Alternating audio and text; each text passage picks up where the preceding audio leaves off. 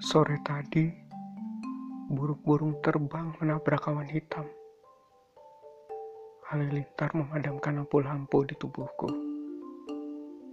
Hujan dan gelisah tercampur dalam kopi.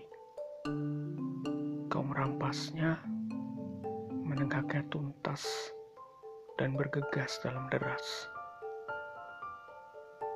Tinggal asing di bibir cangkir di mimpi sebelum puisi ini.